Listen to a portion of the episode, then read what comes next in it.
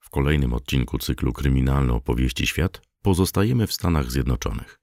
Aby powiedzieć więcej o grupie przestępczej, o której wspominaliśmy już nieco w poprzednim materiale dotyczącym kalifornijskiego ulicznego gangu Crips. Czas na jego największego przeciwnika, czyli Gang Bloods. Powstał on na początku lat 70. i działa do dziś, zrzeszając nawet 20 tysięcy członków. Charakterystycznym znakiem przynależności do Bloods jest kolor czerwony, skąd wzięła się też nazwa gangu. Blood to z języka angielskiego krew. Rywalizacja Bloods i Crips ostatnio znalazła się na ustach całego świata w kwietniu 2022 roku, kiedy to w Sacramento w Kalifornii doszło do strzelaniny. W jej wyniku sześć osób zginęło, a 12 zostało rannych. Pod koniec lat 60. niejaki Raymond Washington, jeden ze współtwórców Crips, uważanego za sojusz ulicznych afroamerykańskich gangów z Kalifornii, razem ze swoimi kompanami zaatakował dwóch uczniów Centennial High School w Campton, Sylwestra Scotta i Bensona Owensa.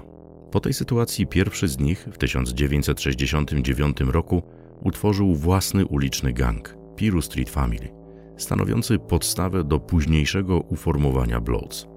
Tymczasem Benson Owens stanął na czele zachodniej frakcji Piru, Westside Piru. 21 marca 1972 roku po koncercie muzyków Wilsona Picketa i Curtisa Lee Mayfielda w okolicach teatru Hollywood Palladium około 20 członków gangu Crips napadło i śmiertelnie pobiło Roberta Ballow Jr., tylko dlatego, że nie chciał oddać im swojej skórzanej kurtki.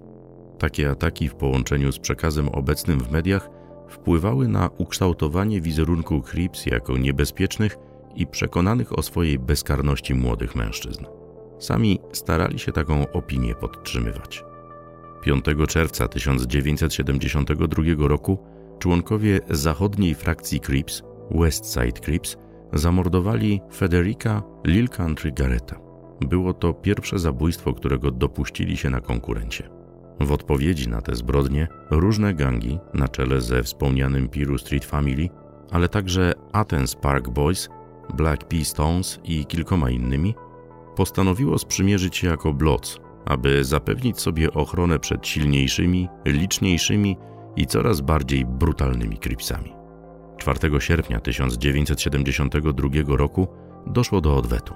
To wtedy dokonano skutecznego zamachu na Thomasa Elisa, członka gangu Crips. Do 1978 roku Sojusz Bloods składał się już z 15 różnych gangów. Pomimo tego Crips mieli wyraźną przewagę liczebną. Aby to zmienić, znów uciekano się do przemocy. Rozwój obu gangów mocno przyspieszył w latach 80., kiedy do chuligańskich ulicznych sporów dołączyła rywalizacja o duże pieniądze czerpane z handlu środkami odurzającymi, a konkretnie krakiem, jedną z form kokainy. Wtedy to zarówno Bloods, jak i Crips zaczęli wchodzić do nowych miast w stanie Kalifornia, a potem także do innych stanów. Warto powiedzieć, że ogólnie Bloods dzielą się na frakcję zachodnią, West Coast Bloods, oraz frakcję wschodnią, East Coast Bloods, szerzej znaną jako United Blood Nation, UBN. Obie na co dzień stosują określenie Bloods, jednak zachowują od siebie odrębność. UBN powstało w 1993 roku na nowojorskim Bronxie jako luźny sojusz afroamerykańskich gangów ulicznych. Celem była ochrona m.in. przed latynoskimi gangsterami. Łącznie United Blood Nation zebrało od 7 do 15 tysięcy członków, głównie we wschodnich Stanach Zjednoczonych. Zajmują się oni dystrybucją kraku i przemytem środków odurzających do więzień. Same frakcje nie mają czegoś w rodzaju zarządu czy ściśle określonego szefa. Składają się z mniejszych ulicznych gangów, mających wspólną kulturę, ale zachowujących przy tym odrębność pod kątem przywództwa, obszaru działalności, hierarchii czy niektórych tradycji.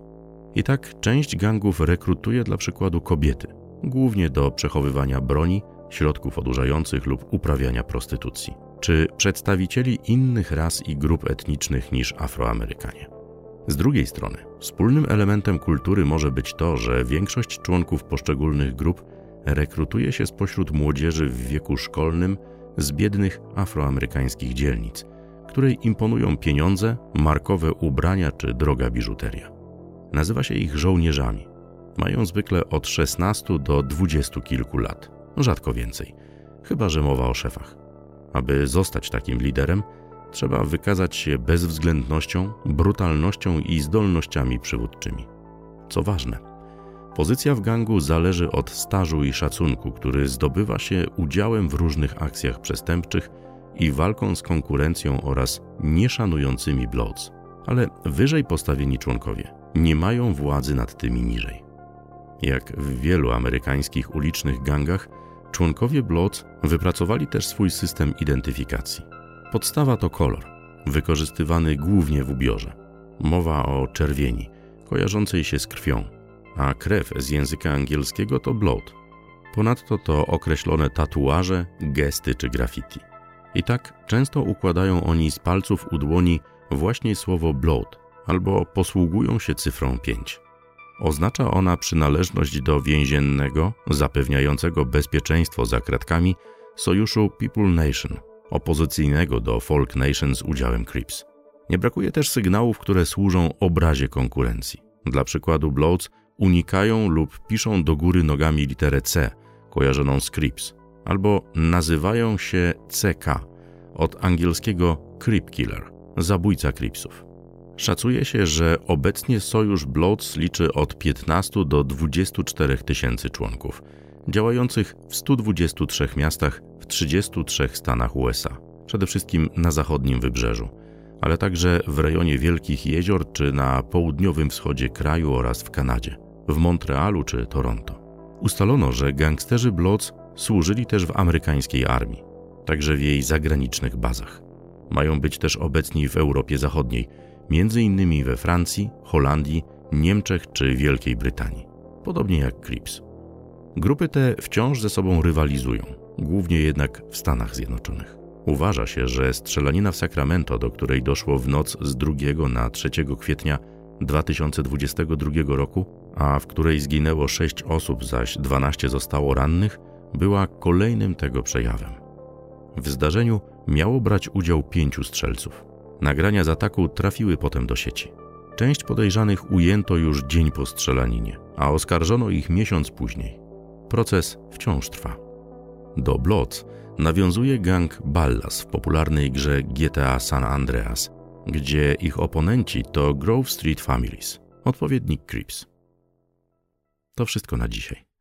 Jeśli zainteresował Was ten odcinek cyklu Kryminalne opowieści świat o amerykańskim gangu Bloods, zachęcamy do oglądania kolejnych wydań tego cyklu.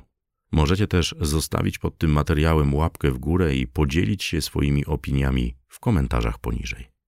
Zapraszamy do zasubskrybowania kanałów Kryminalne Opowieści Świat oraz Podejrzani, a także do kliknięcia ikony dzwonka, aby nie przegapić żadnych nowych materiałów.